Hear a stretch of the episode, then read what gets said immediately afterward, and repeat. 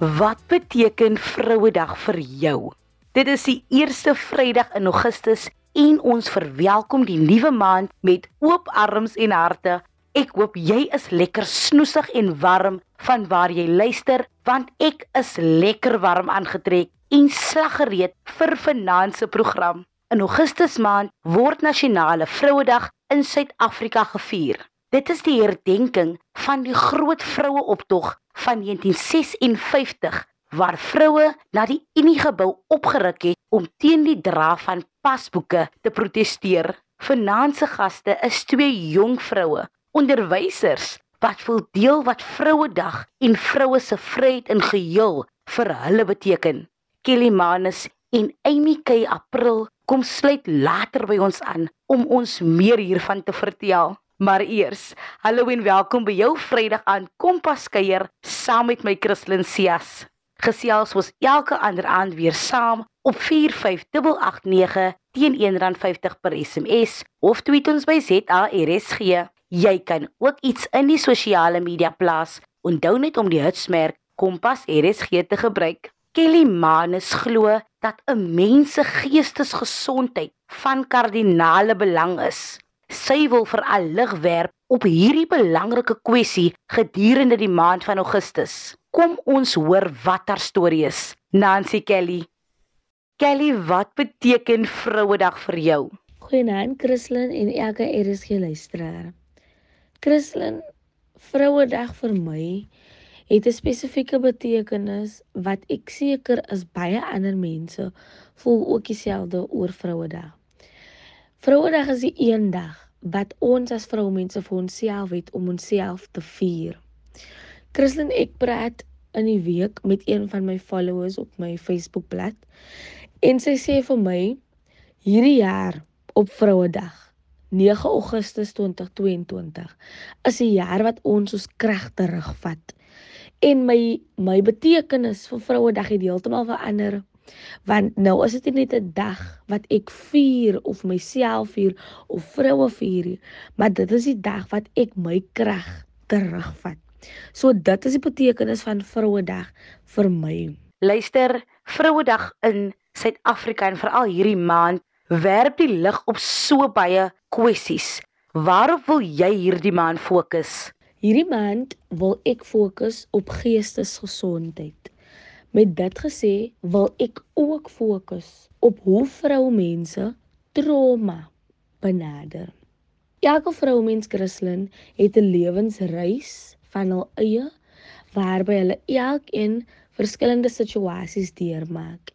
En daai situasies wat hulle deurmaak, bring trauma op hul pad en dit affekteer hul geestesgesondheid.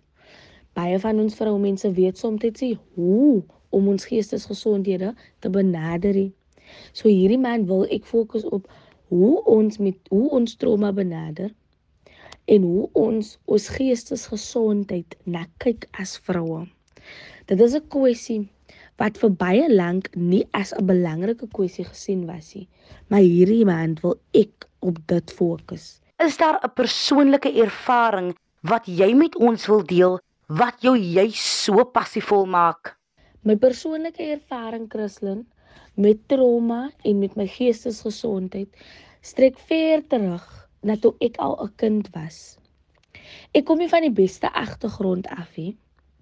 En dit het gemaak dat ek altyd soos hulle sê in survival mode was. Enige iets wat ek aangepak het, het ek aangepak met fokus en ek het niks toegelaat om in my pad in te staan nie. Dit wil sê as enigiets met my gebeur het wat dalk trauma aan my kon gebring het, het ek dit stopgesit en ek het dit nie toegelaat om my af te bring nie.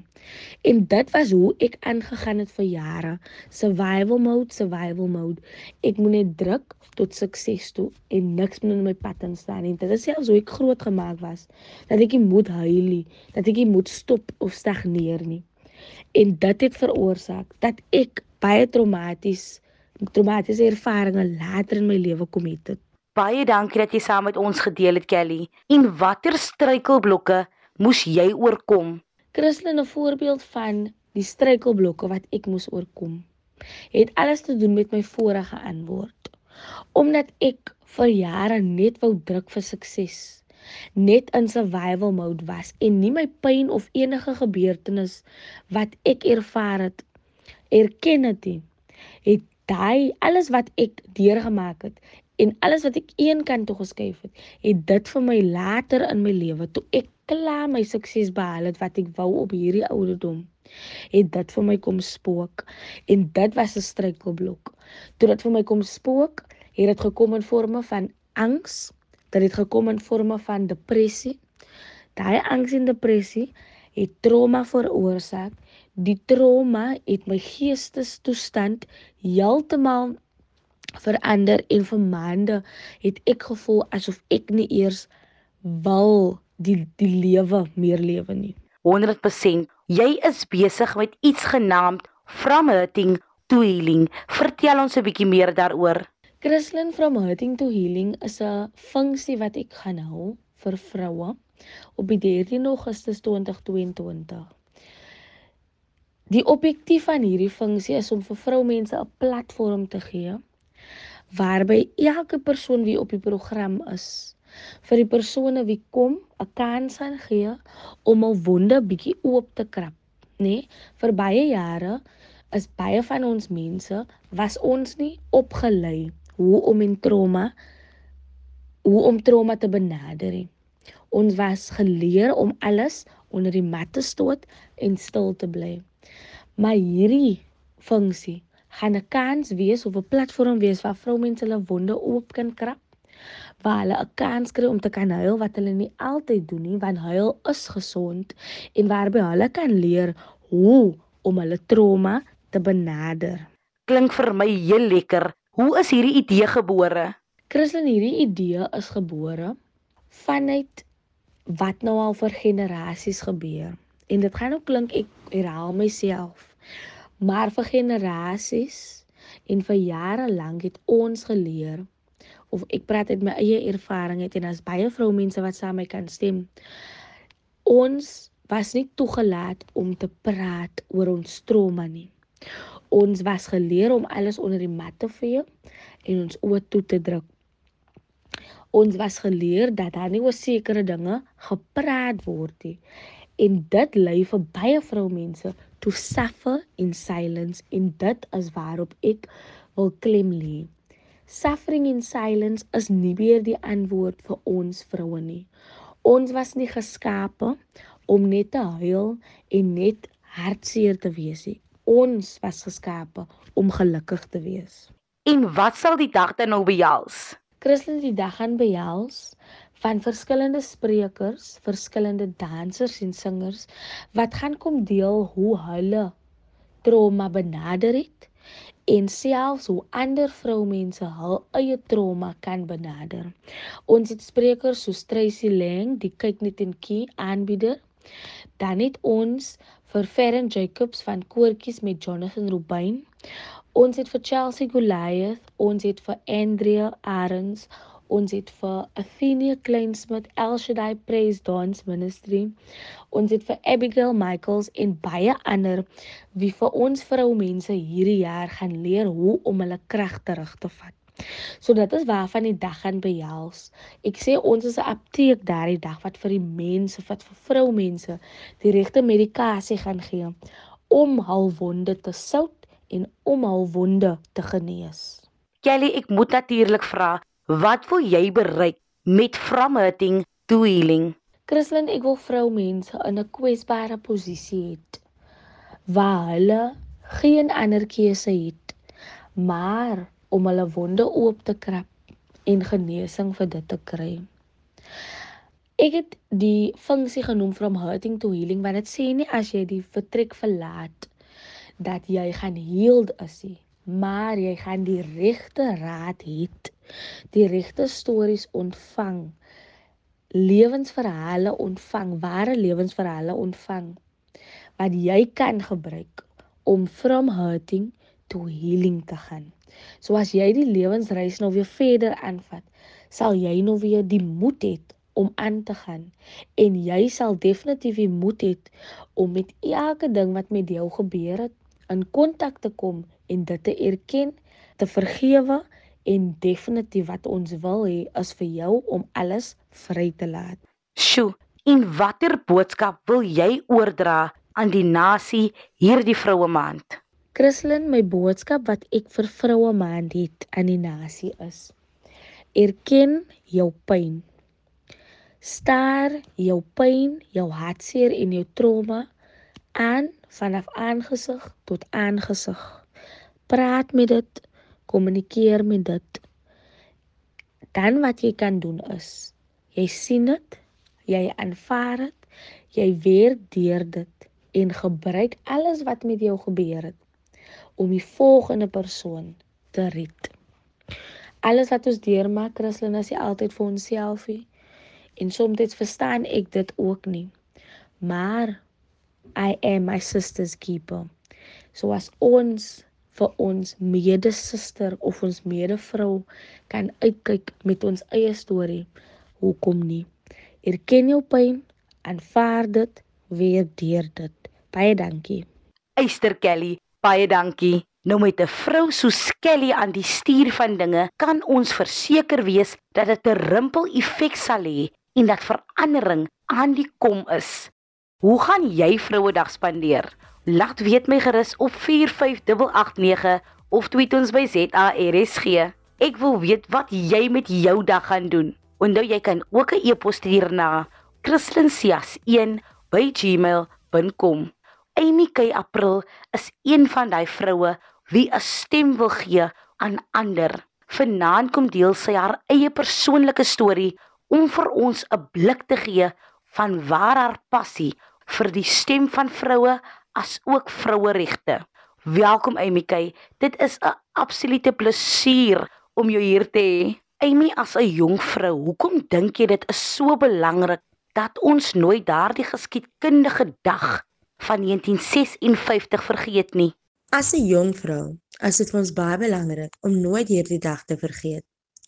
Die vroueregte optog in 1956 het direk veroorsaak dat alle vroue gelykregte geniet voor die konstitusie.